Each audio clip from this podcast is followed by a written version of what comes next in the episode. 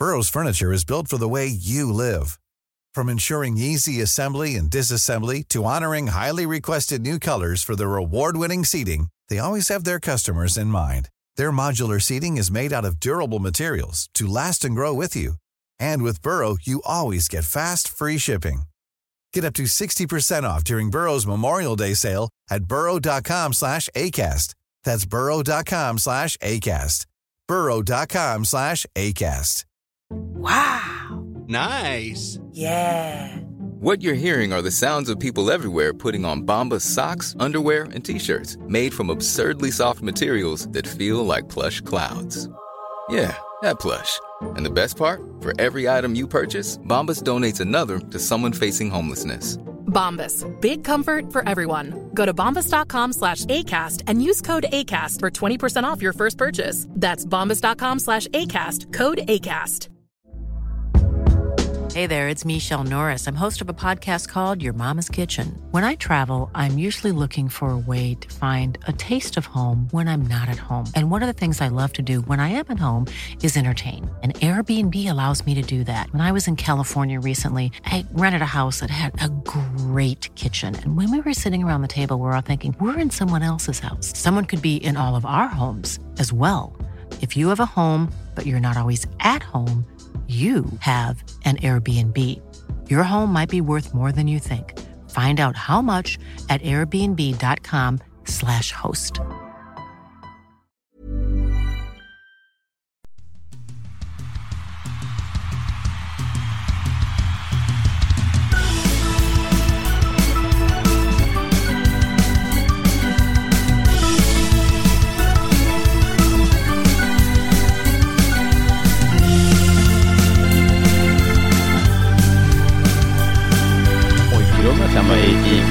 Är det pojkrummet? Det gamla pojkrummet. Det enda jag saknar är när jag sitter här, nya tapeter, mina, mina gamla idoler är borta på väggarna, affischerna, vimplarna. Vet Vilka jag hade mer på på väggen? väggen? Äh, Foppa, Pavel Bre, är ju, Pavel Bre var ju min, min gubbe. Sen hade jag Gretzky. sitter kvar ser jag där. sen, hade jag, sen hade jag en, en film också. Då hade jag alltså Striptease med Demi Moore som en, lite, Som lite filmposter. Undan, en filmposter, lite undangömd så inte morsan och farsan skulle se, men ja, den hade jag också. Men Pavel Ja. Bure har ju varit, eh, det är väl du och jag Lars som har en förkärlek Ja, ja, det, det, det, det, är vår gubbe det där. Mm. Eh, Men eh, den är inte li, fullt lika politiskt korrekt i dessa dagar. Nej. Men, Pavel Bure, hans spelaren som han var på 90-talet var ju otrolig. Men vad hade Fredrik på väggen? Var det Harald Lyckner? I Ja, polo? det kan jag ha haft. Conny Evensson. Ja, precis. Tränarna. Nej, men jag hade nog inte så... Jag, jag tror inte att jag var så där, det här med planscher. Jag, jag tror snarare att det ligger i att jag inte fick sätta upp planscher för att man förstörde tapeten. Okej. Jag tror att jag är uppvuxen i, man ska inte ha massa häftmassa fanns det. Ja, men det kanske man hade. Ja. För det gick ju ändå att pilla bort sen. Men jag har ju, det är tio år före er tid, jag var lite mer försvenskad. Det hände ju någonting, det där tycker jag är lite intressant, det här med NHLs eh, Merch. förändringen som var, ja men eh, alltså när jag var, em, jag är född 77 så liksom andra halvslutet, 80-talet sådär, jag vet jag och min brorsa som är fyra år yngre, vi, det första man gjorde när man kom upp på morgonen var att man stod på text-tv. För det var där du såg resultaten då som låg från NHL på natten. Eh, jag höll på Toronto, eh, min bror höll på Detroit. Eh, sen började det ske saker liksom 90-tal och idag är det ju så det här flödet av information som gör att alla unga kan ju faktiskt se målen, de ser matcherna, du kan följa studion, det via play och sen har du ju appar och du, du går in på nätet på ett sätt så det är mycket mer tillgängligt. Så det var inte de stora namnen, liksom så Gretzky, Lemieux, de svenskarna som var där borta då, de hade du koll på. Men idag kan du ju fan vara NHL-expert utan att eh, ens liksom ha hållit på med hockey för att det är så tillgängligt. Får det Så för mig var det mycket mer svenska spelare, man samlar på hockeybilder, det var, jag säger Matti Pauna i Björklöven var ju min stora idol. Så jag var lite torrare än er. Ja, men kommer, jag vet inte om ni kommer ihåg de här vimplarna man köpte, så satte man upp dem som liksom en Ja. pizza och satte upp eh, på väggen, så man samlade ihop de här, de var jävligt snygga faktiskt. Så jag letade upp dem och satte upp hemma, hemma med sambo. Hockeykort, var ju verkligen våran generation Daggen, att man samlade liksom, du skulle Ja, ha alla väl? upperdäck. Ja, ja. Mm. Ja, vi hade ju album. Där du Ja, ja, klistrade det- in dem. Du klistrade in, vi hade ju över plastfickorna man ja, stoppade ner. Ja, det var ju ett, ett, en förändring som var att du kunde ju faktiskt, eh, Melvin, eh, får jag inte annars eh, göra punka på din cykel? Och, och så var det liksom, det sitter i mitt album och då hade man albumen med och så diskuterar man wow, du fått HV71s logga? Eh, vi sa ett namn igår i Gävle Lars, vi pratade om Jesper Jäger, gamla Ja. Björklöven-spelaren. Hans pappa hette eh, Rolf Jäger och Ja. var tränare, han hade en här hög, alla tränare hade ju polo, eller man var någon lagledare kanske i Björklöven, men han minns jag mycket väl att jag hade så väldigt många dubbletter av. Jag hade Patrick Roy i guldkort som jag lurade brallan av en kille som heter Linus, fick ett 20-kort av honom. Kommer ihåg, han kom stolt som en Han tupp. sitter väl fortfarande, eller ligger väl på den där kliniken va, och försöker återhämta sig, Linus. Har, har, jag, har jag berättat om, eh, det finns ju en hockeyallsvensk koppling på det här för mig. Eh, Jag har ju faktiskt en, en story med, med Christoph Kontos numera i AIK tidigare i Kristianstad. För en av mina bästa barndomskompisar, Johan, eh, han lurade i mig när, när hans far Chris Kontos flyttade från NHL till att spela i Skellefteå i, på 90-talet. Så lurade han av mig typ alla och då menar jag typ alla bra kort jag hade mot ett eh, kort på Chris Kontos. För hans, hans tes var att du kan gå ner och få den signerad av superstjärnan Chris Kontos. Som ju var en sop. Du känns också ganska lättlurad på den tiden. Ja ja, men satan, jag är, ju- jag är för naiv och för snäll. Så att jag, har- men jag har ett så här inplastat Pavel Bure-kort som jag ska ta med. Det kanske jag ska visa i Men, någon gång. men det, och det där tycker jag är jätteintressant. Än idag, jag hade ju en mycket begränsad spelarkarriär, eh, så jag, det finns inte hockeykort på mig, men det finns tränarkort på mig. Och det är, jag ska inte säga att det är eh, på var och varannan arena, men, men lite titt som tätt så står de ju. Det finns ju ett speciellt gäng, framförallt i Stockholm, vid Hovet Globen, som är professionella samlare av kort. Som kunde höra av sig när man var där med lag som tränare och sa att nu Eh, Jag har ett kort på den här och den här som jag skulle vilja få signerat Som liksom gav en heads-up kanske till att man skulle säga till de där killarna att det kommer stå en där Det fascinerar mig men Ja, verkligen. Men eh, från det då, Ah, eh, kort, kort, kort, kort, jag vill bara, jag vill bara kort. Ja. Förra veckan fick ju jag inte vara med på, på bänken, eh, så lyssnade jag på den här roliga historien som Lars drog. Sherwood kom in på det här. Ja, Men chockad som jag blir att ingen av er reagerar. William Nylander spelar ju med Sherwood.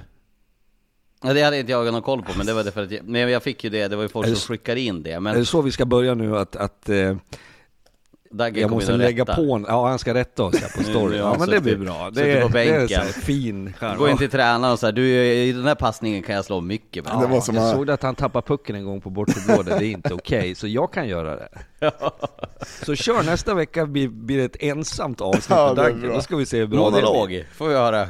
nej, nej, men det är klart, eh, det var ju bra att, eh, att det fanns lite fler Sherwood, men, men min magkänsla var ändå så att, att det var stendött.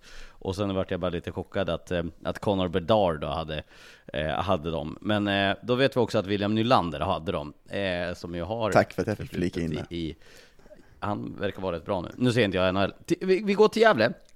Eh, eh, och det var ju en eh, ja, men häftig match, 7000 pers i Gävle, sålda biljetter. Jag tycker fortfarande att det var ganska stora tårtbitar där uppe i Ja, taket. det där, stanna kort där Lars. Ja. Vi måste hitta människor på plats, antalet i framtiden. Ja. Jag, jag fattar att för klubbarnas del, det är så här, Förstår. Vi, har sålt biljetten. Men jag håller med, för det, det var ju inte 7000 på plats. Säg att det kanske var 6, 6 och ett halvt, eh, någonstans där, som var på plats. Men, men det var ju inte de 7033 sålda. De, tar- de tar in 7 och 9 tror jag, Gävle. Eh, men ändå en upphaussad match mellan näst mesta mästarna Brynäs mot mesta mästarna eh, Djurgården. Och jag tänkte att vi skulle börja med att eh, att ta eh, känslan vi hade inför matchen. För det var ju två lag som kom från ett olika läge. Liksom. Djurgården hade den där vändningen mot Södertälje, Fredrik du var där och såg den. Eh, och det är ju två lag som nu har hamnat i Hockeyallsvenskan och haft en, en resa liksom. Och, och nu, som, nu jagar den här SHL-platsen. Men min känsla är ju med Djurgården att ja, men de måste förstärka på backsidan. Det känns så här, har de verkligen har de verkligen pengar till det? Har de rörelsefriheten till att eh, lösa en konkurrens mot Brynäs som ju verkar ha, ja men de rycker i det som finns för att gå upp direkt? Det finns jättemånga frågetecken kring Djurgården. Sen är det ju så att Djurgården är ju ett lag som vi konstant förväntar oss eh, ska ligga högt upp och det finns ett, ett, eh, ett tryck på på Djurgården som inte har egentligen någon, någon motsvarighet. Det är klart att Brynäs också förväntas vara någonting, men, men det här är andra året för Djurgården i Hockeyallsvenskan och det, jag tycker inte att det eh, stämmer överens med den verklighet som vi ser. Eh, vi ska inte bli alltför långrandiga och djupsinniga på Djurgården, men jag, jag, vi, vi, är ju, det här pratade vi om under matchen igår och jag eh, färdades hemåt genom natten och också ställde mig själv frågan vad har Djurgården för förutsättningar att faktiskt bli ett topplag? Jag, jag noterade Linus Klasen sa i en intervju, jag tror att det var med det här Hockey News inför matchen igår, som jag tycker är lite talande. Då var det, pratade upp matchen Brynäs-Djurgården, vilka är det som är favoriter? Då svarade Klasen, eh, det är Djurgården, det är alltid Djurgården, det måste vara så när, när Djurgården spelar ungefär. Och det säger ju lite grann om den kravbilden som de lever under. Eh, vi ska inte upprepa för mycket av det vi har pratat om förut, men jag tycker att jag ser frågetecken på egentligen alla tre lagdelarna. Även om forwards är det som är bäst för Djurgården. Men igår saknar man Kryger, man saknar Berglund, man saknar Norman. Då tappar man motorer, man tappar eh, ett ledarskap på isen som jag tyckte var tydligt, inte minst i den tredje perioden. Backsidan eh, får man in Pontus Johansson som, det får vi också komma ihåg att han kommer ju inte välmående på det sättet till Djurgården heller eftersom han har hamnat utanför i Frölunda. Så att han vill ju säkert kompensera, spela kanske lite övermodigt ibland även om han har jättefina egenskaper. Så och det, det såg känns... vi på, på Brynäs första mål igår, det, det Keller gör. Ja, och det är ju i någon iver. Eh, att det är en duktig hockeyspelare, det, det tror jag varenda en vet och det, det, kommer han att vara. Sen vet vi inte vad han har för framtid heller i Djurgården. Så att det är lite för stökigt, det där, det där är, det är ett dilemma för dem.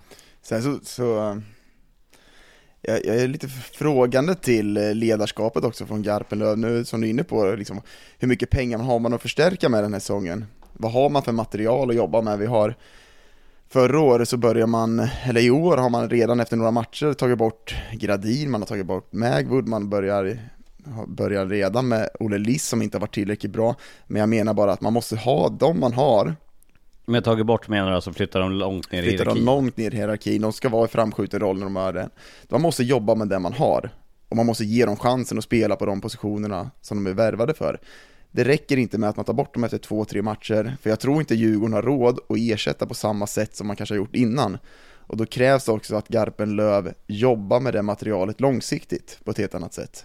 För i slutändan kanske man behöver Gradin, Magbo, nu tycker jag att de var bra igår, men de har inte långsiktiga tänket. Du ser Odelius förra året hade stukat självförtroende. Kevin Karlsson kommer tillbaka, starkt av honom, men han var fortfarande bänkad under långa tider i säsongen och fick inte spela mycket. Så jag säger så här att jag tror inte de har det kapitalet i år att kunna köpa färdiga produkter. De måste jobba med det de har och de måste få dem att prestera på max och det tycker jag inte man gör med den truppen just nu. Problemet tror jag bara är att Djurgårdens mindset är inte det. Det är det i, jag menar, Torsten och Dennis och, och uh, Schultz i, i Karlskoga till exempel. De får stänga dörrarna och säga, vad fan gör vi med det här vi har nu? Vi måste få fart på maskinen. Djurgården tror jag, jag tror att det svävar en ande över dem, att, eh, som säger att, att eh, det här är någonting vi behöver göra åt göra någonting åt. Och göra någonting åt i Djurgården innebär att man rekryterar, man skickar folk. För det är de signalerna, jag håller med dig Dagen om att det är Alltså det där är ju en, en, balansgång utifrån att jag har varit tränare lång tid så vet jag också att du sänder ett budskap med dina markeringar. Det finns spelare som, även om det här låter fel, blir bättre av att tryckas upp i ett hörn. Du begränsar speltid, du flyttas ner i formationerna. Okej, okay, det här är en signal. Jag måste ta den här chansen och göra någonting av det.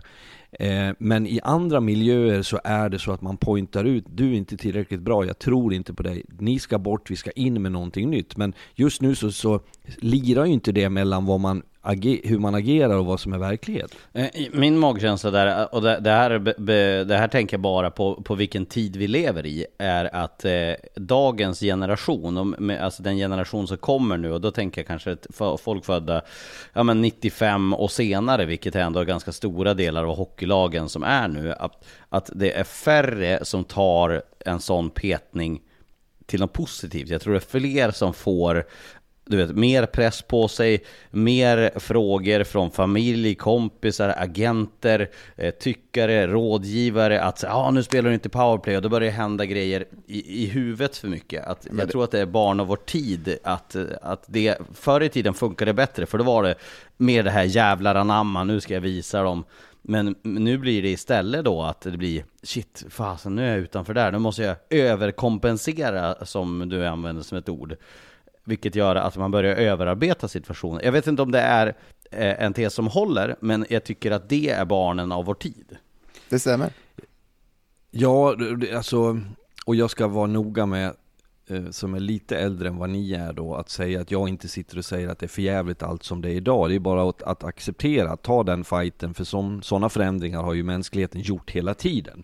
Eh, sen kan man ju också fråga sig, till vilken grad ska vi tolerera att det är spelarna med deras omgivning som gör de här valen kring huruvida man ska stanna eller inte stanna, om man ska ta chansen eller inte, om man ska tycka synd om sig själv. Jag hör också, det ska jag tillägga, jag hör också många spelare både SHL och Hockeyallsvenskan som man på olika sätt har kopplingar till och känner till, som faktiskt är galet duktiga på att hantera en besvärlig tid än idag. Som mm. faktiskt biter i, som gnuggar på, som inte ger upp, som söker information. Så att det där finns ju från båda håll, för det finns ju också ett ledarskap som man, då pratar jag inte Djurgården specifikt, utan generellt där man inte förvaltar det kapital man sitter på. Det är det du är inne lite grann på Dagen, att man behöver. För jag delar ju den uppfattningen att en, i grund och botten så har en tränare uppgiften att öppna dörren till omklädningsrummet, titta vad har vi här? Ungefär som att du öppnar kylskåpet och tittar vad kan jag laga för lunch idag? Har jag inte det jag söker och måste jag ha något annat, då får jag åka till mataffären.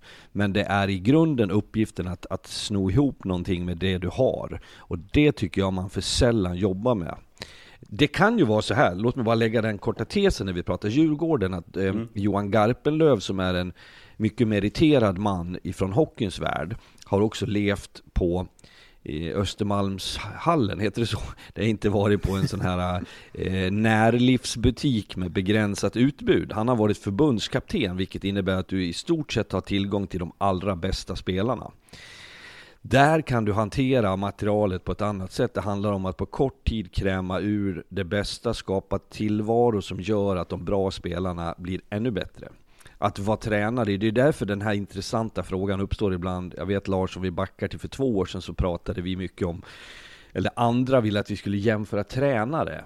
Mm. Vilken är den bästa tränaren? Och jag tycker att det där är en det är en fråga som nästintill är omöjlig att svara på för att det handlar om vad du sitter i för, för båt. Ja, du menar att vi, då är det enklare att ställa frågan vilken, vilken tränare tror ni hade varit den bästa tränaren för typ Djurgårdens trupp eller för Brynäs så, så, ja, men då, då, då, då vrider man den relevant för att säga att, att Niklas Hjellstedt är, är eller Viktor Stråle är Sverige, Hockeyallsvenskans bästa tränare. De är jätteduktiga tränare. Jag kan inte svara på om de är bättre än Arto Metinen i Tingsryd eller Niklas Falk i Djurgården på alla punkter. Niklas, de sitter ja. på helt, eh, ja Niklas Falk. Falk i Västervik. Ja, vad sa jag? Du sa Djurgården, men det var ju inte ja, fel. Men... Ja, nej, det var ju där han vart hyllad och ja. fick eh, stackaren, kommer ni ihåg det förresten? Ja, han svimmade. Vad fan hände? Hemskt. Det var Nej, men ja, det, på, så, på, på, så vis så, så jag tror jag att Garpenlöv är van med lite andra tag. Så är det Ja, jag förstår vad du menar. Jag förstår vad du menar. Eh, och, och jag, tycker att, jag tycker att tesen med, med att han var på Östermalmshallen, han, han är van att plocka från en högre hylla helt enkelt. På samma sätt som att, eh, om du kollar på sportchefer som har liksom fynda på röda lappar så blir det något helt annat när de ska börja, börja köpa fina viner från Italien. Ja. Nu köper man, yeah. nu får man köpa lite falukorv och det är jävligt gött ibland om man gör det jävligt bra. Sen tar man lite rostad lök på, alltså då är man hemma. Men du måste... Kan inte rosta, rostad lök på falukorv, har du det? Fan, skämtar du? Lite, lite pasta, rostad lök. Det var min, eh, det var min ungkars, oh. ungkarskäk var det förut. Nu får jag en klump i magen. rostad lök funkar till allt. Rostad lök har man faktiskt till mycket, det, det är faktiskt underbart. Eh, men eh, med Djurgården sagt då, så, så om, om vi kokar ner lite grann känslan från igår och från senaste tiden, så är det är kanske det att det, det är liksom inte det är inte fullträff varken på forwards, backar eller målvakter just nu. Vilket gör att det är ett lag i lite ofas. Ja, jag ska dock ge Djurgården att det, det, det, var en knuff framåt. Jag tyckte jag såg det redan mot Södertälje i lördags där man lyckas eh, redan i slutet av den andra perioden, framförallt den tredje perioden, så lyckades man med någonting. Men jag tror ju att eller jag är fullständigt övertygad om att Marcus Kryger har en enorm betydelse för Djurgården. Ja. Större än någon enskild spelare har för något annat lag i den här ligan. Och det är inte så mycket fråga om spektakulärt agerande, utan mer en exceptionell trovärdighet i att gå först och att andra tar rygg.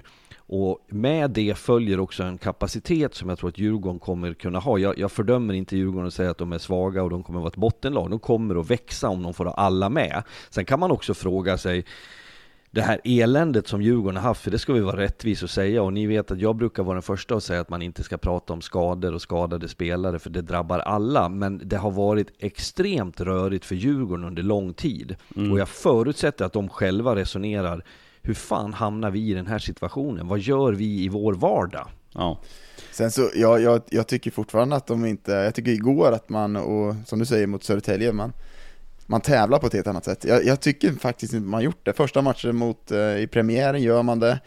Sen efter det så, vet fasen, det känns lite, lite trötthet i, i truppen. Jag tycker inte man har den där energin att spela liksom. Nu tycker jag att man gör det igår.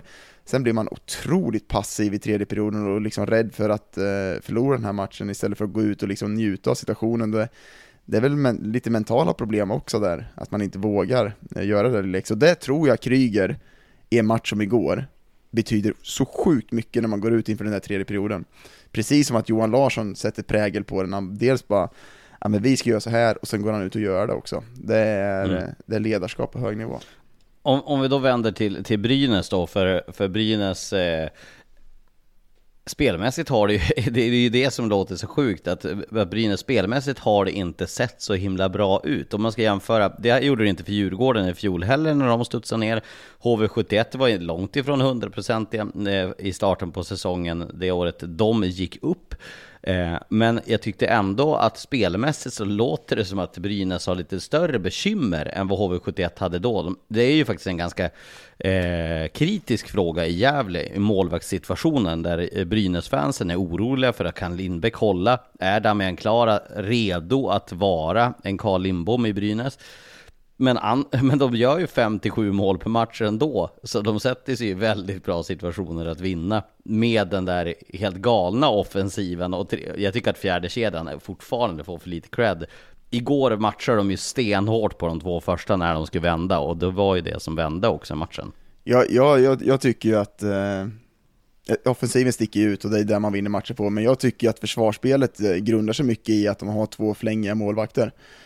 Eh, det blir väldigt stressat, man litar inte på dem där bak. Jag tycker både Damien Klara igår sänder inte de signalerna till, till ett lugnt i försvaret. Jag tycker Lindbäck släpper en tabbe per match plus att han är väldigt jagande efter puck. Jag, jag, jag, det där, jag vet hur man spelar med målvakter som, som har den här flängigheten så gör att försvarsspelet, dels i boxplay så litar man inte på att man kan ta skotten från utsidan. Man måste gå ut och sätta press eller att man liksom inte litar på att man tar de här skotten. Så eh, jag, jag tycker mycket grundar sig i att man inte har en målvaktssida som är tillräckligt bra. Jag vrider lite grann på det där, för, för jag tror samtidigt att en förklaring, i synnerhet med Lindbäck eh, i mål, så får det en positiv effekt i form av Brynäs har generellt bra spelvändningar, man har fart, man kommer iväg eh, och det tror jag att det är på plustecknet hos Lindbäck. Så, så jag, jag delar på de två egenskaperna. Vad menar du då? Att han... Ja, att han är duktig på att sätta igång spelet, att, att det här som, som du använder som ett, en negativ aspekt, Nej. sätter jag på det Då förstår Nej. du inte. Jag menar, jag menar, jag tycker att han är jättebra med klubban och ute. Däremot tycker jag att han kommer ur position ganska mycket. Om du kollar boxplay-mål de släpper in så ett överspel så är han, är han så aggressiv på skytten så att han är bortspelad och det är jättesvårt att spela boxplay med. Det, Jag- jag- sen att han är Ja. bra i uppspelsfasen, ja det kanske han är. Eller det är han. Ja, ja det tycker jag att han är. Eh, och jag, jag, har, jag är för dålig på, på målvakter så jag kan inte värdera hans målvaktsspel mer än att jag konstaterar att eh, Djurgården och Brynäs i det här fallet då behöver ha ett målvaktsspel som är bättre än det vi har sett när det handlar om antal räddningar och liksom färre bjudningar. Får, får jag Eh, flika in där? Alltså, jag menar visst, det finns mycket grejer som det, det är jättebra om en, eh, om en back kan vara offensiv och trycka upp och göra poäng och, och sådär. Men visst är väl ändå huvudtesen att en målvakt ska rädda mål, en back ska försvara eh, En för uppgift. att det inte ska bli mål. Helt Alltså, jag menar, det, är ju, det, det, måste ju vara 1A. Helt rätt Harald. Eh, Ja men det var nej det, då. det Nej, jag skojar, jag men har rätt. Målvakt, Tro- visst, att spela med klubban, men det viktigaste är att stoppa pucken.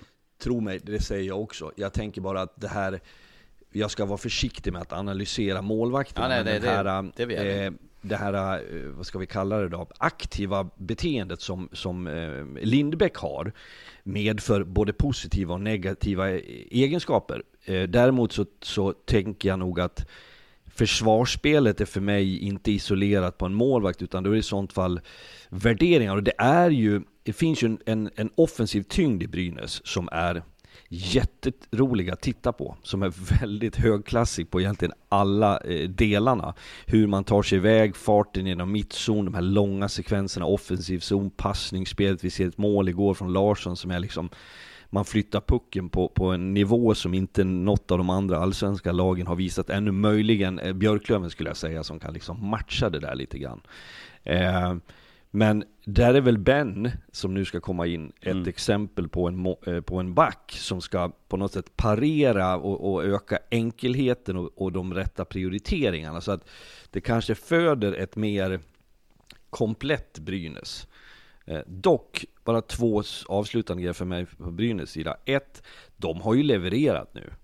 Mm. Titta på hur det ser ut i Gävle, titta på euforin, euforin igår, man gör 5-0 i den tredje perioden. Titta Ja. på Kopacka, titta på Kelleher, titta på uh, Rödin. Det finns ju så många som bidrar med så mycket. Och Mix Indrecis är den som slår passningen till Johan Larsson, han har ju en briljans Ja men absolut, och det, det tror jag vi kan vara överens om. Det som jag fortfarande, för jag trodde nämligen igår att Djurgården över 60 minuter skulle bjuda upp lite mer, eller stå emot lite mer. Så jag, jag ser med stor nyfikenhet fram emot Brynäs när man får möta till exempel Björklöven, som just nu känns som att de är vansinnigt bra. Då får vi den riktiga prövningen. För ett underläge 2-4 mot ett lag som bättre hade hanterat en tredje period igår, så är ju frågan, vi kan bara spekulera nu, hade Brynäs sätt att agera på i tredje perioden räckt mot allt motstånd att vända ett tvåmålsunderläge och vinna med 5-0? Jag vet inte. Jag ställer en fråga till er innan, innan jag går vidare. Vi ska ta Jordi Ben lite grann kort också, för jag, jag ska ställa en fråga om det efter att ha fått lite inspel kring den. Men om jag ställer frågan så här då, eh, om vi hoppar tillbaka till Djurgården lite grann. Har ni en magkänsla nu, jag fattar att det är åtta omgångar in, men har ni en magkänsla nu eh, att Djurgården är ett av de lagen som är favorit att gå upp till SHL? Ett av tre. Nej, Nej. inte just nu, vad vi ser av Djurgården. Däremot vet Ah. vi från förra säsongen också att de växte under Mm. säsongen hela tiden. Jag, jag tycker fortfarande att de har samma problem eh, nerifrån. Jag tycker att de är slarviga där. Jag tycker inte målvaktssidan är lika stark. Jag tycker inte man kan lasta Andrén för så mycket. Men eh, det är fortfarande den där målvakten som inte tar det där lilla extra. Så nej, Lindbom stod ju emot förra året och det kan vi väl inte, det som vi sa innan, eh, man kan inte säga att Andrén ska vara i Lindbom-klass såklart. Mm. Eh, ja, men, eh, eh jag, ty jag tycker att det, den känslan som ni säger där, att ni säger nej, det sa liksom det som jag eftersträ- det, det jag efterlyste. Eh, men en annan grej då, med Carl Lindbom. Det är ju först nu man förstår hur överjävligt bra han var förra säsongen. Jag menar, det är ju tillsammans med kanske Marcus Högberg och någon till i SHL, Enrot, eh, jag vet, det går säkert slänga in någon till. Men Carl Lindbom, det är ju en NHL-målvakt nästa säsong, utan tvekan. Och det, det säger ju lite grann vad Djurgården hade som utpost nästa år. Jag ska inte liksom ordmärka, för jag vill bara för att stärka det ytterligare. Vi såg det ju förra året, men det är nu vi har fått det bekräftat. Exakt, att han exakt. på liksom nästa nivå är precis lika bra. Eh, om inte ännu bättre. Och det är ju sällan vi skådar en så pass hög klass på någonting så oväntat får man ändå säga. Ja men det är typ någon Elias som- Pettersson liksom, så gå och så blir han Ja, ännu bättre till nästa nivå ändå liksom. Eh, men eh, med det sagt, Jordi Ben, jag, jag träffade lite hockeypersoner på väg till Brynäs, så jag tänkte att ni ska få säga er tes på det här. Den hockeypersonligheten som jag pratade med då, sa det att Jordi Ben, exakt det Brynäs behöver. Eh, det här är inte mina ord, utan jag citerar en person som jag låter vara anonym. Men att Jordi Ben är det som Brynäs kommer behöva för att gå upp i slutspelet. Hur ser ni på Jordi Ben-värvningen? Som alltså har 600 NHL-matcher. Nej, men jag, jag, jag, tycker att det är precis den typen av back man behöver. Eh, någon som prioriterar försvarsspelet, som sätter prägel i sitt sätt att spela, att man rensar upp framför mål. Eh, däremot så har vi väl en, en om man kollar på svenska värvningar från den här typen av spelare med den här meritlistan, kanske inte 600 NHL-matcher, så finns det ju en viss floppvarning. Fredrik, du sa ju att han ska inte åka runt och vara en, en Siljan-färja där ute och det, det, det, har man ju sett förut att skridskoåkningen har varit ett problem. Däremot tror jag att han kommer vara bra i boxplay, han kommer som jag sa, rensa upp framför mål, men någon gång ska han ju också upp i banan och bli utmanad i skridskoåkning, för det går otroligt fort i Hockeyallsvenskan, så klarar han av skridskoåkning så är det precis den backen man behöver, och den typen av back behöver man också.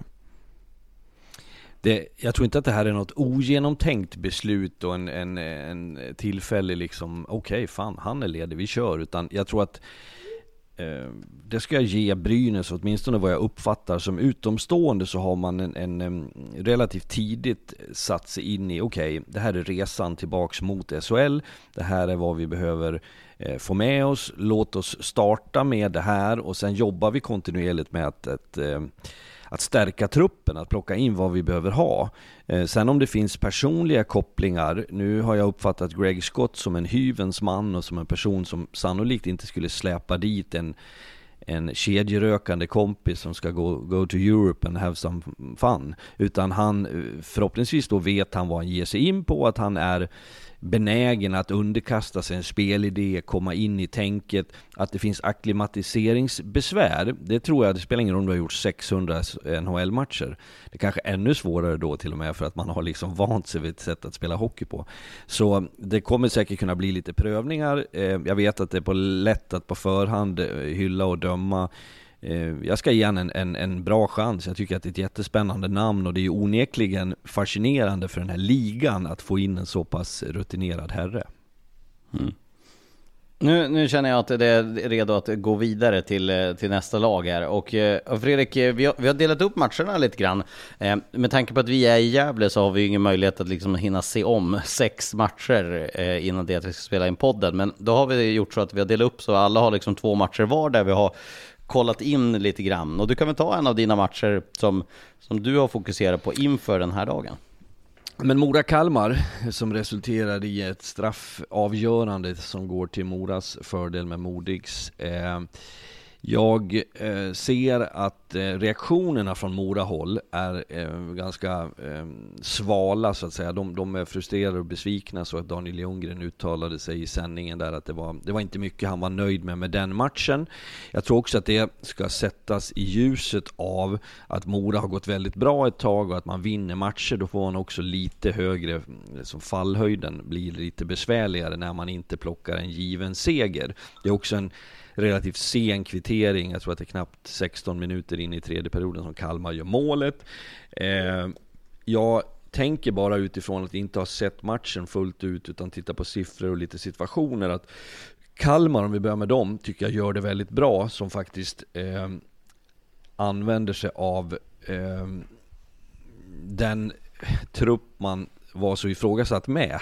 Att faktiskt plocka på sig poäng. Och jag tänker så här att, att Kal Kalmar på hemmaplan en solig dag, en lördag mot ett storlag som kan ha mobilisera kraft och energi. Jag hade frågetecken huruvida eh, Kalmar skulle kunna åka iväg och spela slukt och smart och, och plocka poäng på bortaplan. Och det här är ju eh, beaktat Moras eh, eh, formtoppande väldigt stark poäng av Kalmar att ta.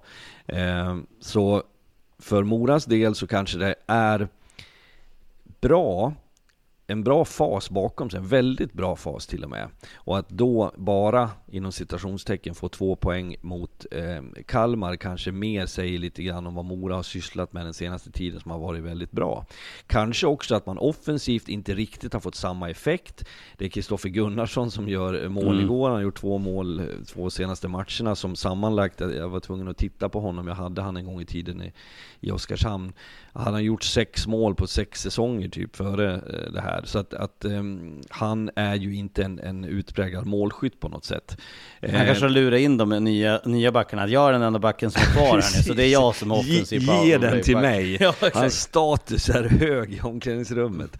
Eh, nej, och, och jag tror nog att, att eh, Mora eh, fortsatt är att betrakta som ett lag som gör det väldigt bra med tanke på att man har den här höga omsättningen av spelare. Och jag har ju sagt det tidigare att Mora kommer ju behöva använda ganska lång tid eh, för att helt landa i den nya truppen och få full effekt på den. Men starten har varit väldigt bra och att Kalmar återigen eh, bevisar att man inte liksom är en, en vad ska jag säga, en, en tillfällig fluga som bara eh, surrade några matcher utan att man fortfarande eh, är med på ett sätt som är bra för ligan också. Ja, det är ingen slag på sig, det, det har de ju Verkligen bevisat. inte. Eh, men, men Mora alltså, nu är det fem raka segrar här plötsligt och det, det brukar vi ju säga det att börjar du stapla segrarna på rad så här, det är inga tillfälligheter. Fem raka och, och på de fem matcherna har man alltså gjort, eh, man har gjort 18 mål. Eh, varav eh, på de fyra senaste har inte Johan Persson gjort något. Eh, så det säger ju att de har ju hittat det som de hade i fjol med Heikkinen, Micke Tinac, de har fått liksom andra kedjor att leverera. Och då tänker jag på ja, men Måns Karlsson, du har Jetman, du, du har fått igång lite, ja Levensson är kanske inte en målskytt på det sättet, men de har fått igång de här lite grann. Roppe Lavainen på backplats som är ju, ska göra lite poäng. Ja men det, det känns ändå som att de Mora på en ganska bra plats och framförallt är det ju segern mot Västerås med 5-0 och Djurgården med, med 4-0 som gör att man känner att det här är ju med eftertryck eller vad säger du Dag? Jag menar fem raka segrar, det är då, är det, då är det på allvar i Mora. Ja men det är verkligen det, och jag tycker att, eh, som Fredrik är inne på, så tycker jag att man har en offensiv som verkligen sticker ut. Så. Sen så, Valtteri Nadjev har ju verkligen varit eh, grym bra. 95% nästan. Ja, jättebra om man träffar rätt. Sen så en backsida som är helt ny, som tydlighet i hur man spelar och verkligen levererar framför Inachev också. Eh, vi, eh, jag tänker att vi, vi ska inte säga så mycket mer om, om så. Eh, Jo, får jag säga en sista ja. grej? Det som jag också reagerade på, jag gick in och läste på, på barometern också, att eh, eh, då tänker man ju så här utifrån vad vi pratar nu, att starkt Kalmar, starkt åka och stjäla en poäng. Mm. Viktor Torala missnöjd med matchen i Mora. Det säger lite grann också om deras ambitionsnivå. Jag menar inte att lägga någon värdering i huruvida han är nöjd eller missnöjd på det sättet, men att det någonstans är så att Kalmar är med på allvar. Och för deras del att åka till Mora var ingen omöjlig uppgift. Jag gillar ändå det mindsetet, Ja, men det jag vill ha sagt. Det tycker jag är bra, att de, de inte åker in och liksom ska ha någon bonuspoäng, utan att de måste gå för det. Och det tycker jag Kalmar har ju visat sig att de, de kan mäta sig med de flesta lagen så här långt. Sen 3-9 nu mot, eh, mot Björklöven i helgen, jag menar ibland rinner det iväg. Liksom. Det är ju sånt som, det är ju sånt som de får räkna med att det kommer att ske när matcher är förlorade. Eh, Daggan, eh, vi tar någon av matcherna du har kikat lite extra på. Vad, Ja, men jag tycker vi kan prata lite eh, om Björklöven. Som jag tycker seglar upp faktiskt lite som mer och mer favorit här nu. Eh, jag tycker att eh, offensiven, vi pratade om att nu igår så Puli, Schilki börjar göra mål, annars har det varit gnuggarna som stickt ut med, tillsammans med Paul, så man har ju skapat en jäkla bredd på offensiven. Sen så har man ju Voutilainen som är ja, en klassmålare tillsammans med Ignacev i Mora så är han ju en av de bästa målvakterna, men ser väl att det tisslas och tassas lite om, om defensiven och vi var inne på det för några veckor sedan. Jag tycker ju att man liksom man är jäkligt stabil, man får mycket spel mot sig i, i defensiv zon, men jag tycker man håller dem på utsidan, sen kanske man är lite, lite passiv i vissa lägen tycker jag. Men eh, det är ju fortfarande en bredd som är enorm i detta Björklöven och när börjar Puli, Schilki och de här eh, Weigel, den här första kedjan börjar leverera också på en helt ny nivå så tycker jag att Björklöven för mig övertygar mer och mer. Sen så kanske man saknar, som jag trodde att Lindgren skulle vara när han kom tillbaka den här säsongen, den här första backen, den här tydligheten att den är, han går i bräschen hela tiden och den backen kanske man saknar, annars är det en ganska jämn backsida som man kanske har, behöver ha den där riktiga spetsen till. Eh, vi ska beröra backfrågan, men, men Dagen, Daggen, du, du har suttit och sett de här Smålandsmatcherna som, som Björklöven var ute på och, och eh, för, för att nyansera, för det lät ju på Björklöven-fansen som att det såg ut som att det var, det var kattskit, att de hade käkat kattmat till middag om vi ska återvända till det här att man får servera den lunchen som finns i, i kylskåpet. Men när du när du har sett matcherna, om, om man ska nyansera det som var mot, mot Tingsryd och Kalmar och sådär, vad, vad lärde du dig av de matcherna? Nej men eh, Tingsryd-matchen tycker jag är ganska dålig från deras sida, men det är väl Däremot så blir jag imponerad av Tingsryd på ett helt annat sätt. Jag tycker man har förstått vad man ska göra. Man, man, man, man, man har en arbetsinsats, man tar ingen skit längre. Jag tycker man inte säger förlåt i sitt sätt att spela. Och sen att man inte har en offensiv spets. Jag tycker mer att man ska se vad Tingsryd gör bra i den här matchen. Sen är det starkt att kunna komma tillbaka i den, men där tycker jag i de här Smålandsmatcherna, dels Kalmar som de vinner med 9-3 blir det va, eh, så tycker jag ändå att liksom man är kanske lite passiv i sitt sätt att eh, försvara, men eh, jag tycker fortfarande de är stabila framför Voutilainen och sen mot, mot Kalmar så är man ju kliniska framåt, alltså man är ju ruggigt eh, starka där, men man kanske jagar lite poäng framåt och det är väl, det är väl ganska självklart när både Schilke Pulio inte har levererat och sen har vi Powell och Meyer som är offensiva, de slåss ju lite om den här första platsen i poängligan så Nej, jag, jag, tycker, kollar man på det i efterhand så tycker jag att det är stabila liksom Björklöven mer eh, som sticker ut. Vad, eh, backsidan då, det, det, är ju, det är ju en het potatis där uppe med, med tanke på att de, de spelar ju fortfarande i, i mångt och mycket så har ju Kronholm och eh, Rahimi varit backpar. Nu såg det ut som att eh, de körde William Jussula och Rahimi från start där igår, att de ändrade lite grann för Nörsteby ska vara borta den här veckan, mm. som jag läste upp i Umeå. Eh, så nu har de bara gått på sex backar då, när Kim Johansson, Lindgren spelar ihop och Jakob Andersson och Linus Kronholm i tredje. Men, men backsidan, du, du var inne på att den kanske är den, är för, den var för jämn, eller vad var din tes? Vi snackade lite grann om det inför matchen igår. Ja, men jag, jag, jag trodde verkligen Lindgren skulle kunna komma tillbaka, jag tycker att han har varit bra, men jag tycker väl att, ja Fredrik pratade om det lite i bilen, man, man har backar som är 3 plus eh, överlag på alla. Alla är ganska jämna, man sticker inte ut riktigt. Jag tycker ju att man saknar den här riktiga första backen. Sen gillar jag vad Jussola, eh, han ser bättre och bättre ut. Jag tycker att man fick mer speltid igår, det lilla jag sett, men jag tycker man saknar den här eh, den här eh, giganten på backsidan som jag tror man vill ha, eh, som verkligen styr och ställer lite där bak och framförallt får fart i spelet. Så den, den, det finns bättre potential. Burrow is a furniture company known for timeless design and thoughtful construction and free shipping, and that extends to their outdoor collection. Their outdoor furniture is built to withstand the elements, featuring rust-proof stainless steel hardware, weather-ready teak, and quick-dry foam cushions. For Memorial Day, get 15% off your Burrow purchase at burrow.com slash ACAST and up to 25% off outdoor. That's up to 25% off outdoor furniture at burrow.com slash ACAST. Hey there, it's Michelle Norris. I'm host of a podcast called Your Mama's Kitchen. When I travel, I'm usually looking for a way to find a taste of home when I'm not at home. And one of the things I love to do when I am at home is entertain. And Airbnb allows me to do that. When I was in California recently, I rented a house that had a great kitchen. And when we were sitting around the table, we we're all thinking, we're in someone else's house. Someone could be in all of our homes as well. If you have a home, but you're not always at home, you have an Airbnb. Your home might be worth more than you think. Find out how much at airbnb.com/slash host. Wow. Nice. Yeah. What you're hearing are the sounds of people everywhere putting on Bombas socks, underwear, and t-shirts made from absurdly soft materials that feel like plush clouds. Yeah, that plush. And the best part? For every item you purchase, Bombas donates another to someone facing homelessness. Bombas. Big comfort for everyone. Go to bombas.com slash ACAST and use code ACAST for 20% off your first purchase. That's bombas.com slash ACAST. Code ACAST. Det, det här, det här, nu zonar ju, eh, zonar ju Fredrik ut då när vi ska snacka, men, men det känns ju som att många andra lag, om vi kollar på Västerås, vi kollar på Brynäs, de hittar ju backar som de kan addera till sitt lag med Elias Pettersson, det snackas om kanske en Olle Strandell till, eh, till Västerås, som ju ändå såg ut som att de hade en ganska bra backsida på pappret ändå. Det händer ju liksom saker i ligan även om det är en ganska kall marknad. Men i Björklöven, det skulle vara intressant att ha en intervju med Kenter nu snart för att det, det, han sitter ju väldigt lugn i båten och, och, det finns ju säkert en god tes med det. Jag säger inte att det är fel. Men eh, det känns ju ändå som att det ploppar upp lite namn här och där. Vet, det, det, det, kanske är helt enkelt så att han har blivit kräsen. Vänta nu, vänta nu.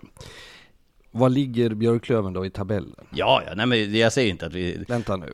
Ni, ni, ni, får ju, du får ju sansa det lite Lars, för att det är ju också så, Per Kentes uppgift är ju inte att, vilket gör, jag tycker det är klädsamt att han inte tillfredsställer eh, ett, ett, ett tillfälligt behov av att det ska in något fräsigt namn. Jag tyckte jag läste mig till uppgiften att han ska ha tackat nej till den här eh, Ben, till ja. exempel, som gick till Brynäs. Eh, jag bara menar att, att det som Björklöven har förstått Eh, vilket jag högaktar dem för. Förra året väntade de möjligtvis för länge. Men då pratade vi februari månad, januari.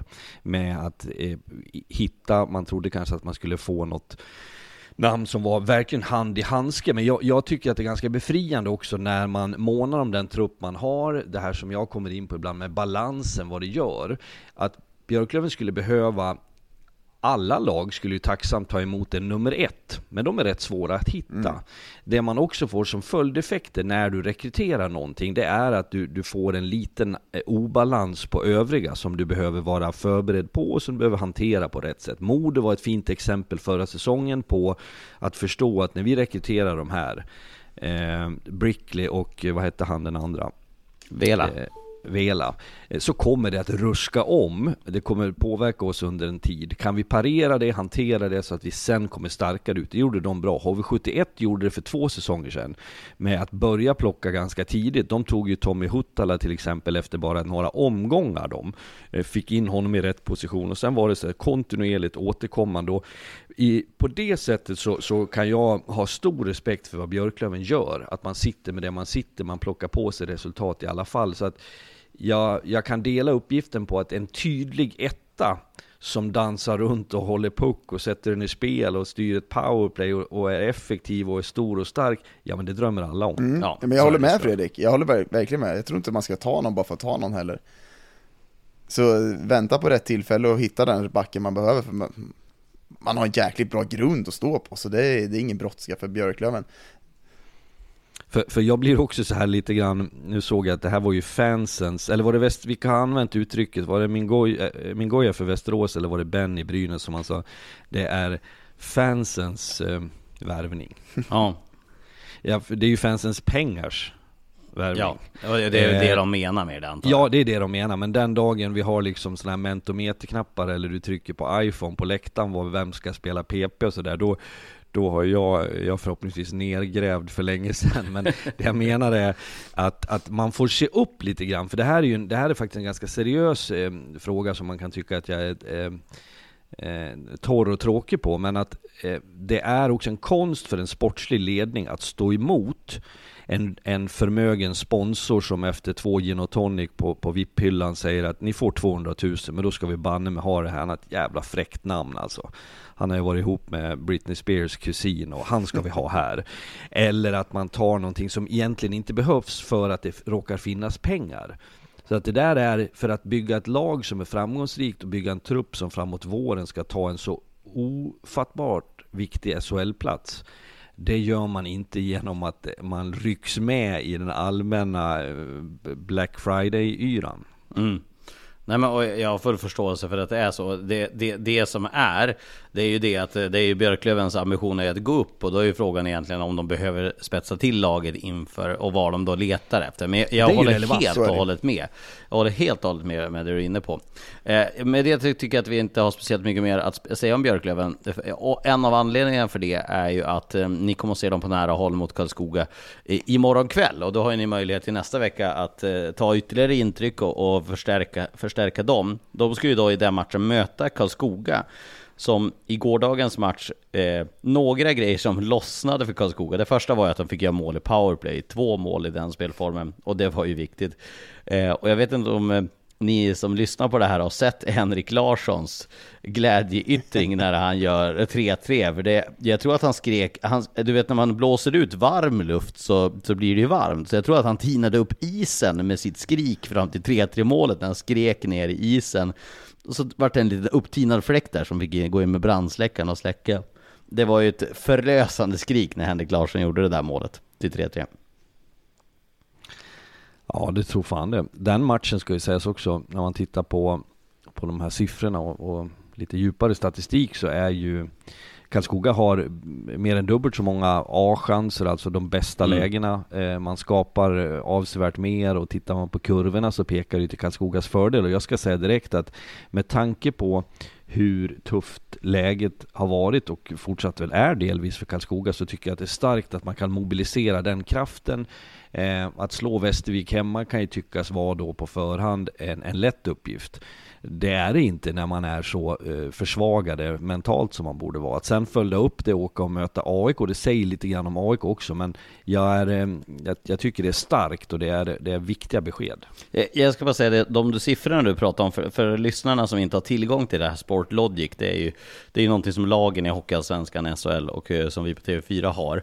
Det, det är ju alltså ett avancerat statistiksystem där man kan då se helt enkelt summerat siffror. Det är så mycket parametrar som det går inte ens att förklara hur mycket som går att kolla upp i det här. Men, men det som är att Karlskoga har ju lutat sig lite eh, grann tillbaka på att ja, men det har sett ut som att vi ska vinna matcherna i inledningen. Gårdagens seger mot eh, AIK, som förvisso kom efter ett straffavgörande, så är det ju under spelet. Jag har inte sett matchen, men kollar jag bara i Sportlogic så ska ju Karlskoga vinna den här matchen enkelt. Och det, det är ju verkligen med eftertryck när man ser till siffrorna. Målchanser, allting pekar på att det är en enkel seger för Karlskoga ändå blir det efter straffar. Eh, och det är väl kanske lite grann det som har varit problemet. Att det fortfarande sitter mellan öronen och det finns det inga siffror på. Så är det ju, så är det ju. Det hade varit dock intressant med mellan öronen-siffrorna. Det hade varit kul. Vad har du för, vad har du för expected leverans av dig själv idag i din mentala status? För det, hade vi haft den siffran, då hade det varit sjukligt intressant. Att, eh, men, men Dagge, vad, vad snappar du upp från Karlskoga då? Jag menar, nu har de ju vunnit två matcher här mot, mot Västervik och eh, AIK och få lite, lite andrum i alla fall. Nej men att jag tycker att, eh, att det ser bättre ut. Jag tycker väl att eh, man har fått igång man har fått igång lite spelare. Jag tycker Kokkonen har tagit den här lilla, lilla petningen på rätt sätt. Eh, där man får spela lite mindre eh, powerplay och sånt, så han har kommit igång. Men framförallt så är det Marcus Helgin som jag tycker ser bättre ut. Eh, dels mot Västervik så står han emot när Västervik börjar komma in, man inte gör de här målen. Så eh, jäkligt starkt mentalt att kunna komma tillbaka i, den här, i de här matcherna och dels vinna mot Västervik, för det är inte så lätt som Fredrik är inne på när man, när man har gjort det man har gjort innan. Så.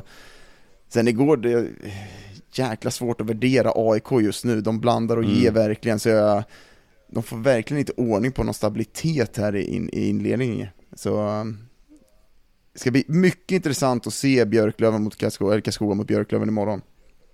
Eh, jag tänker att AIK får vi bedöma lite mer. Nu såg ju ni dem i, i, i fredags här när de tappade den här matchen mot Västerås och den matchen hade vi kunnat prata länge om. Men eh, jag ser att tiden börjar rinna iväg lite grann här. Jag, jag vill ändå, ja, ska vi gå till Södertälje först? Södertälje Tingsryd. Alltså 93 skottförsök från eh, Södertälje i den här matchen. Och jag vet inte om ni kan sätta eh, Fredrik, 93 skottförsök om du bara hör det. Det säger inte så mycket om matchen. Det var ju 0-0 efter 40 minuter och 50 skott på mål från Södertälje och man ser att de har ju ganska bra med chanser också när man kollar på matchen eh, och, och highlights och, och eh, chanser. Men vad, vad, säger det dig liksom när du summerar ja, intrycket? Bara för att sätta det i ett sammanhang med, med skottförsök så fanns det en tes för ett antal år sedan som var eh, att man pratar 60-33, det vill säga 60 skottförsök 30 skott på mål skulle rendera i tre gjorda mål.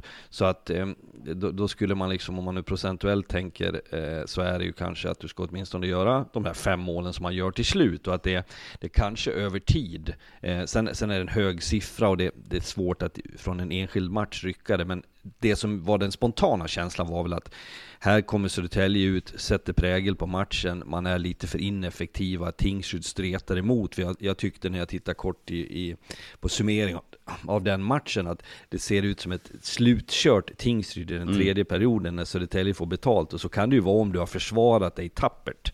Så det kanske var eh, rimliga siffror till slut, men sen kom det i tredje perioden, vilket då sticker ut. Intressant att du säger det där 60-33, för, för en snitteffektivitet är ju cirka 10%. Alltså, mm. man brukar säga att powerplay, ungefär 20% brukar vara bra.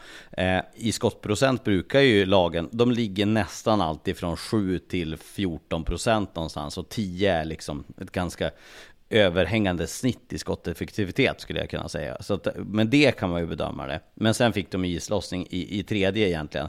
Den stora snackisen inför den där matchen, eh, det var ju det som hände med lånet. Albert Sjöberg spelade ju förra säsongen i Södertälje, Eh, gick till Malmö, blev sen utlånad till Tingsryd, trots att han har ett avtal med Södertälje som då aldrig fick frågan. Och, och här finns ju då tesen att Södertälje tycker att de ska ha fått frågan innan Tingsryd får den. Albert Sjöberg vill ju uppenbarligen spela i Tingsryd, för de har fyra matcher på eh, onsdag, fredag, söndag, måndag. Eh, vad, era, vad är, tycker ni om den här situationen, Daggen, du som är gammal spelare? Alltså är det spelaren som ska be, få bestämma det? Eh, eller ska det vara så att klubbarna ska ha liksom en, en eh, första king om man har ett kontrakt sen innan? Nej, men reglerna är väl ganska glasklara att det är spelaren som, det är upp till spelaren att välja vart han vill spela, så det, där har väl, det handlar väl inte om det. Nej men, eh, jag förstår, jag förstår att, att Södertälje reagerar på det här, men det är ju fortfarande Albert Sjöberg som får ta ställning till om man vill spela i Tingsryd eller om man vill spela i Södertälje, så regelverket är ju ganska tydligt där. Att, eh, sen förstår jag frustrationen från Södertälje att man, att man inte ens får frågan i det här fallet. Eh, men sen vet jag inte om, om Albert hade, Albert vill ju verkligen inte gå dit heller, han vill ju spela i Södertälje, jag tycker att förra året så fick han ju inte chanser att spela där heller på en framskjuten roll i, i Tingsryd, kommer han få spela mycket powerplay, få spela med Felix Olsson, Harjo, eh, få spela i första spelkedja och få mycket istid, så jag förstår ju Albert varför han går till eh, Tingsryd istället. Och... Jag, jag, jag, bara tror du sa fel där Dagen, vilket jag ju gör också hela tiden, men att han vill inte verkligen till Södertälje. Ja, precis precis. Ja. Jag kanske sa tvärtom, men äh, ja. du förstår vad jag menar. Bara så att, ja, ja, absolut. Och jag, det som man ska komma ihåg också i slutändan så är det ett kollektivavtal, det finns ett ansvar hos spelaren eh, att, att göra det valet. Sen kan man ju tycka att vi pratar om trader och jag tror vi har skojat om det vid flera tillfällen att det, det vore jättekul om man skickade folk och sa att nu Eh, byter vi bara. Jag tror faktiskt, nu byter vi sport, men det är nog sport. Är det folkrace man gör så här, den som har vunnit, ja. den bilen eh, får någon annan köpa. Ja, det är för att eh, alla ska ha lika bra bilar. Ja, Eh, nu ska jag inte dra den parallellen till hockeyn, men jag tror Lars, första året vi körde podden, att vi skojade om det där vid något tillfälle. Det var ju Anderberg som vi trodde skulle vara... Alltså kanske var den kopplingen. Eh, men just att, att eh, det, det är ju ganska enkelt på det viset. Sen kompenseras ju eh, de hockeyallsvenska klubbarna i form av ett avtal som är skrivet mellan ligorna eh, där man får den ekonomiska kompensationen så att säga för att man blir av med spelare fram till eh, det här datumet då under sommaren när man eh, kan bli av med en spelare. Så det finns säkert olika, olika lag, Dagen du och jag pratade om det här igår, vissa klubbar passar det här perfekt. Mm för att de får ekonomisk kompensation och sitter nöjd med den. För andra lag som kanske har ännu högre ambition eller plockar på sig en viss kategori spelare som blir av med dem sent så är det mycket mer kännbart. Exakt. Mm. Eh, jag tycker att vi ska inte bli något mycket längre på den. Eh, jag måste faktiskt snart börja röra mig mot min, min kvällsmatch. Men vi måste ändå eh, beröra Västerås. Västervik ser ut att ha det riktigt tufft alltså. Nu vart det 1-5 här mot, mot Västerås igår. Eh, Västerås, Karl Jakobsson. Eh, Daggen, vad säger du där? Snacka om att de fått en, en förstärkning och nu verkar ju Mingoja vara på väg och snacka om Olle Strandell. Det händer grejer i Västerås. Ja men de ser, de, de går mot klarhet till klarhet. Jag tycker att man, vi har pratat om den här tyngden man har, nu får man in Karl Jakobsson. Sen, sen ska man ha tror väl inte jag att Karl Jakobsson är värvad för en, en framskjuten roll i det här Västerås. Jag tror mer att han kommer spela i, eh, lite lägre ner i hierarkin och, och jobba mycket boxplay när man får alla på plats. Och nu adderar man Trevor Mingoya, alltså det är en klassspelare på den här eh, på den här nivån och sen kan han komplettera med Konstantin Komark där som man kanske inte har hittat rätt med kemin där men riktigt så, så eh, Västerås blir mycket, mycket intressant att, att följa. Däremot Västervik, där har de problem, stora, stora problem med spelet. Jag ser nu, man liksom försöker chippa ut pucken och åka, chansa lite på att den ska studsa rätt. Det här är inte ett vägvinnande sätt att spela den här säsongen. Man kan vinna några matcher på hemmaplan på det här, men du måste börja hitta ett eget spel för att kunna vinna matcher och det här är inte tillräckligt bra. Jag tycker ju att att eh, den här truppen ska kunna prestera på bättre. Jag tycker forwardsidan har vi varit inne på, den ser ganska intressant ut men så länge man inte vill vara, försöka spela hockey eh, så tror jag att man kommer ha riktigt stora problem. Västerås då Fredrik, vad, lär, vad lärde du dig i fredags och vad, vad har du snappat upp då om, om succén från Karl Jakobsson och, övrigt med Västerås som, som Daggen inne Jag delar verkligen Daggens tes om att det är något intressant på gång i Västerås. Sen vart det leder, det är en annan femma, men det, det känns kittlande tycker jag. Den moralen jag ser hos Västerås har jag inte sett de senaste två säsongerna. Förmågan att vända, man tappar till en 3-0-ledning för AIK som man vänder och vinner med 8-3. Jag tycker man sätter ner foten på, en annat, på ett annat sätt än vad man har gjort tidigare. Att okej, okay, nu eh, är det det här som sker och då får man en unison gemensam eh, aktion på det, inte någon enstaka spelare. Starten har ju varit dilemma som Helmersson och Lindmark nämnde för oss och så pratade vi om det i, i matchen Västerås-AIK och så har man 0-3 som man sen vänder på. Så jag, jag, tror att för, för ledningen i Västerås så finns det fortfarande ett gäng punkter som man inte är tillfreds med. Men det blåser ju helt andra vindar. Mm. Jag märkte av det i fredags i Västerås. Det finns en tro på det, man, man går ut och samlar in pengar på ett sätt som, som eh, jag ska inte säga att det saknar motstycke, men åtminstone så är det anmärkningsvärt eh, stort intresse. Så att eh, Västerås eh, tycker jag definitivt är med och, och jävlas på ett helt annat sätt nu. Trots att man har en ganska stor omställning i, i truppen som borde ta lite längre tid. Det där, det där Fredrik med starterna, det tycker jag är lite intressant. Det är ju när man börjar prata om det där också, att man liksom, man måste vara bättre i starterna, vad fan vi måste vara på. Det där tror jag, det, det, det, det där är en jävligt svår sak att, att liksom vända på. Däremot tror jag att för Västerås del, varför man, min syn på det, man kommer från en säsong som har varit riktigt, riktigt dåligt, man har kanske inte, man har nytt ledarskap i båset, man kanske inte vet riktigt vart man står riktigt än. Det är inte den här liksom självklarheten när man kliver ut i matcher, man väntar på att någon ska göra mycket nya spelare. Jag tror desto längre den här säsongen eh, leder så kommer man också få bättre starter, men när man börjar prata om det så sprids det lite panik och man tänker så här, vad fan ska jag värma upp mer eller ska jag göra det här? Jag tror mer att det, det finns en osäkerhet vart man är riktigt i det här, i det här laget. Nu säger det här, jag hoppas alla förstår att det här är skämtsamt, men eh, ni vet om va, att eh, den av er som går, kliver in och kör motorsågen på nummer 23 i Västerås, han eh, jobbar på Mekonomen i, i Skogås veckan efter. Du menar att det är nya vdn på Telia eller? Adam Hoffbauer som spelar i Västerås, hans far Patrik Hoffbauer, den där gamla, gamla keepern från Björklöven och Djurgården om jag inte minns helt galet, han har blivit vd för Telia. Det, är alltså, det blir ja, ju rent krasst då, vår, våran högsta chef. Han, är bra, han har ju ingenting. Jag tycker han Hoffbauer så, alltså ja. har du sett skridskoåkaren? Ja, jävligt bra. Jävligt bra. Han borde spela första kedjan. Ja, jag tycker Nej, att ett NHL-kontrakt borde vara på sin plats. Men jag tänkte så här redan i fredags innan jag hade koll på det där, att det som också Västerås har fått in är lite storlek, mm. där Hoffbauer-pojken är då en av dem. Mm. Sen är det ju kanske, går att lägga på ännu mer muskler, men du, jag tycker att Västerås känns som ett större lag och att de också använder det i sitt sätt att spela på. Det var mm. väl det vi var inne på också, du saknar den här tyngden. Alltså den här kaxigheten i spelet som vi har sett Västerås, och de har stått för i många år, som man har tappat lite.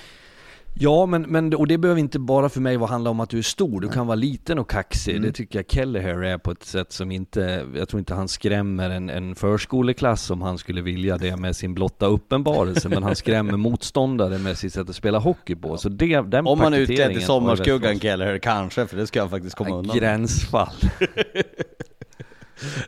eh, ja. Nej men den där tyngden i Västerås, och det var, det var vi inne på lite grann inför säsongen, att, att det ser ut att vara ett storvux... De, mm. Nu, lång parallell här, men eh, ni som har valt att lyssna på det här vet att det blir lite trams. Men Västerås känns inte de lite grann som Team Iceland ifrån Mästarna, du vet. De, de, är, de ser ut att vara fyra år äldre jag menar, kolla, kom Keller här in mot... passen eller? De fuskar med passen.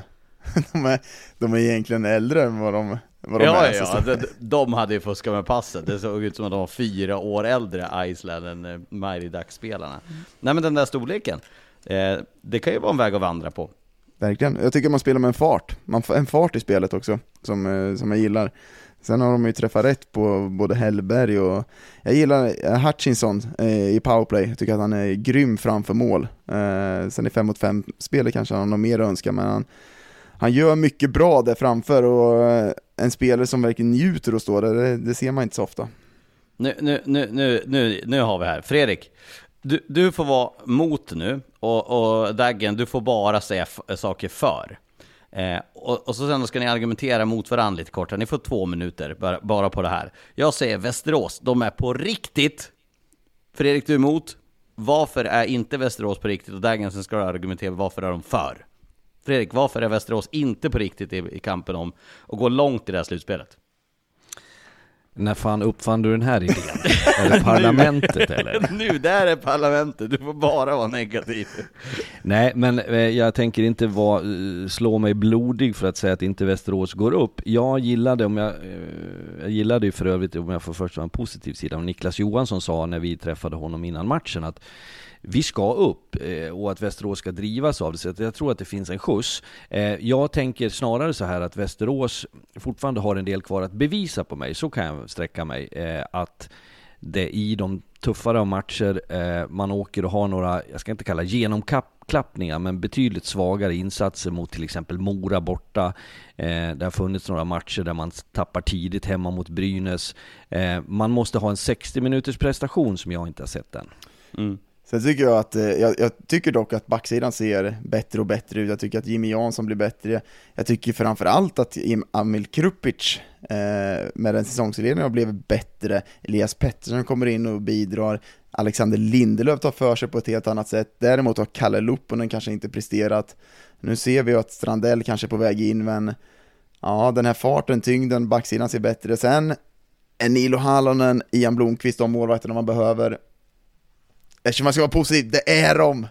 Ja, ja nej men eh, det, jag tycker att det kittlar lite grann ja, kring Västerås. Och det, det, det, känns nästan lite kul för Västerås att få ha den medvinden efter en, några men, svåra år.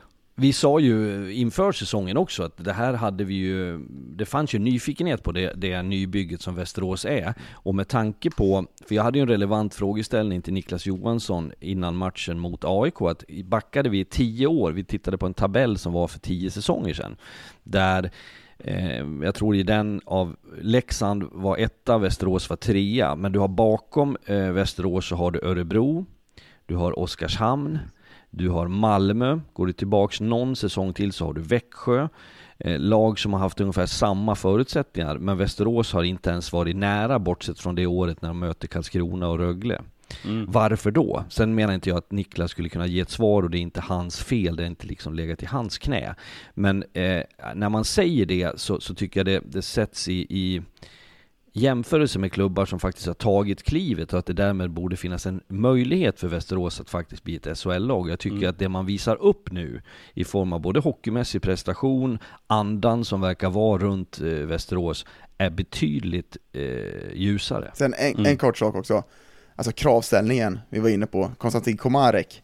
Förra året disciplinen, året innan disciplinen, i år jäkla disciplin alltså. Och det säger Konstantin Komarek tillsammans med de Hutchinson, Gershis, Klopping, alltså de lägger ner sig i, jobbet och framförallt ja. sätter en kravställning som inte har funnits i den här truppen. Där tror du inne på något Aggen. Där tror jag är inne på någonting. Att ha den ledande spelaren, mm. att, att Komarek blir deras Kryger, deras, eh, mm. eh, deras Johan Larsson, den som, som ska sätta agendan för hela laget, som ska leda, och inte bara då på isen, utan även med sitt sitt, sitt faktiskt men det, påstämplade norrbottniska Ja men det är på riktigt också, det är äkta. Ja. Det är inte ja. något fake är... när man går in och gör en dålig prestation själv. Han är på riktigt och det gillar jag att se. Det var ju uppenbart mot AIK när man har 3-0, det kommer en timeout. Jag såg Karl Helmersson, jag tror aldrig han har varit närmare en, en hjärtstartare än han var då.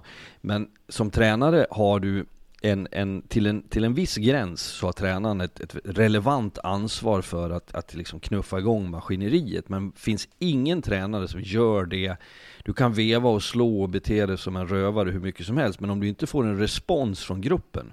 Och det som syntes då var hur Komarek faktiskt var väldigt på i båset. Eh, inte bara liksom att vara arg utan även pushande och drivande mm. som man ser när man står på nära håll. Sen såg jag ju bara för att ställa det i jämförelse, när Västerås hade gjort 5-3 så tror jag att det är Majoni som åker bredvid en lallare som får styra in 5-3 pucken. Då kommer han in i båset och är förbannad och gapar på sina lagkamrater Säkert i avsikt att få igång det, men det var när han hade Exakt. gjort ett misstag som det kändes lite genant att det här är inte tillräckligt bra. Det tycker jag påvisar en viss skillnad i hur eh, beteendet ska vara, åtminstone i den Mm. matchen.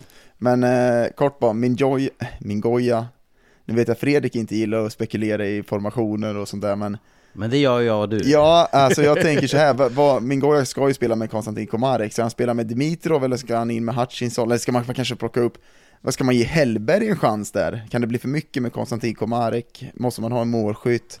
Jag tycker det skulle vara, jag tror man kommer spela med Dimitrov och eh, Komarek och Mingoja i första Dimitru. kedjan. Dimitru. Dimitrov, förlåt. Eh, eh, Men, men, eh, ja men magkänslan, det känns ju som om de plockar de in min goja så är det till en framskjuten roll. Sen är det ju Karl Helmerssons jobb att placera honom såklart. Men, det, men, Åh, men det är klart som tusan att man goja ska spela i första eller andra kedjan. Det, det. kan man ju lista ut med lilltånageln. Jo men det, jag tycker att man har jävligt Ni går från intressant. klarhet till klarhet grabbar. men det är väl roligt att diskutera lite i lagen. Men Det har vi inte tid med idag. Nej. Vi, nu måste vi komma på sista Sista grejen idag. Nicke Dees revival. Han måste ju ha känt Årelukten, att han kände att nu, nu istället för att åka till Åre på, på avsluta hockeykarriären och åka till Åre och åka lite skidor eller fjällvandra, så åkte han till Östersund, fyra poäng och, Öst- och Almtuna slog ett väldigt formstarkt Östersund där med 4-3. Det tycker jag var lite kul. Jag har inte sett tillräckligt mycket från matchen för att, för att kunna säga något mer än så. Men det väl kul att Niklas Danielsson kliver in med 2 plus 2 i den matchen. Eh, så, gammal äldst uppe i Jämtland också.